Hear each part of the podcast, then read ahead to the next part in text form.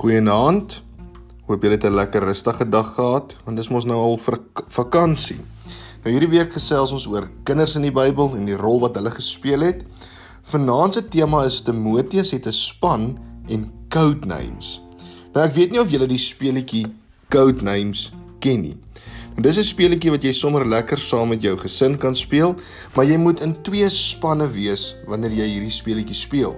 Nou jy kry 'n kaartjie en dan moet die persoon verduidelik in kodetaal wat eintlik op die kaartjie staan en die uit die span uit moet dan raai. Nou dis nogal 'n lekker speletjie. Dis nie altyd so maklik nie. Jy kan dit self aanlyn ook speel. Maar moenie dink dat die groot mense die hele tyd gaan wen in hierdie in hierdie speletjie nie. Nee, die jong mense is baie skerp en hulle kan hierdie speletjie lekker goed speel. Nou ons kyk vanaand na 'n jong man met die naam Timoteus. Nou Timoteus het ook 'n span aan sy kant gehad. Die mense wat saam met hom in die span was was Eunice sy ma en Louise sy ouma. En dan ook Paulus. Ja, Paulus, die groot apostel, hy was ook aan Timoteus se span gewees. Ons sien dat Timoteus het um, of Paulus het vir Timoteus aangeneem as sy geestelike seun. Timoteus was nog 'n jong man gewees toe hy hoof was van 'n gemeente. En ons sien hoe Paulus hom aanmoedig en vir hom sê moenie moed opgee nie, hou aan. Maak nie saak of jy jonk is nie, hou aan met dit wat jy doen. En daarom sien ons dat Timoteus het 'n goeie span gehad en hierdie span het hom bygestaan. Kom ons lees hierdie storie in 1 Timoteus 4 vanaf vers 11. Hierdie dinge moet jy die mense be beveel en leer. Niemand mag op jou neersien omdat jy jonk is nie, maar wees jy vir die gelowiges 'n voorbeeld in die woord en gedrag, in liefde, geloof en reinheid. Tot ek kom, moet jy jou daarop toelê om uit die skrif voor te lees, te preek en te onderrig. Moenie die genadegawe wat jy het verwaarloos nie. Dit is aan jou gegee deur die profeseë tot die raad van ouderlinge jou die hande opgelê het.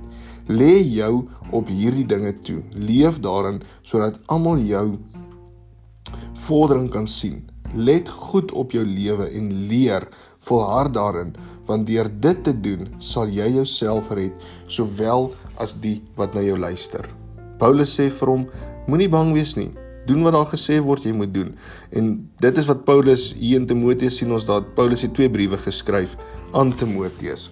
Nou daar's so vier vrae wat ons gaan behandel.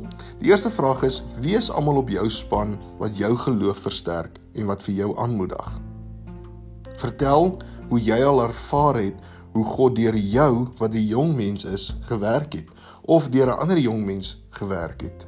Derde een is watter raad sal jy vir jong mense gee? Al is jy ook jonk, watse raad sal jy vir jong mense gee om hulle te help ook in hierdie in hierdie proses van volharding? En die vierde vraag is hoe gebruik God jou of hoe kan hy jou gebruik? Waar kan hy jou gebruik?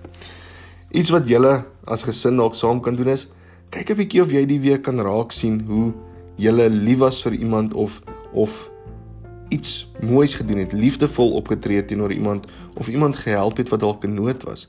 Kyk of jy kan kan agterkom of of jy dit reg gekry het. Maak nie saak of jy klein of groot is.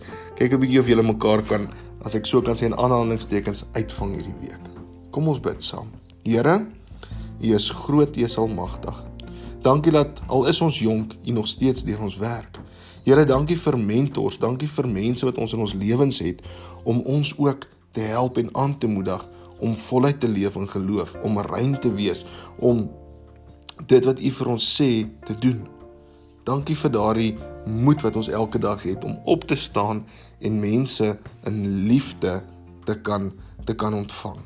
Here, help vir ons om 'n voorbeeld soos Timoteus 'n voorbeeld was. Help ons om 'n voorbeeld te wees vir ander. Dankie vir die wonderwerke wat U elke dag doen. Ons bid dit in die naam van Jesus Christus.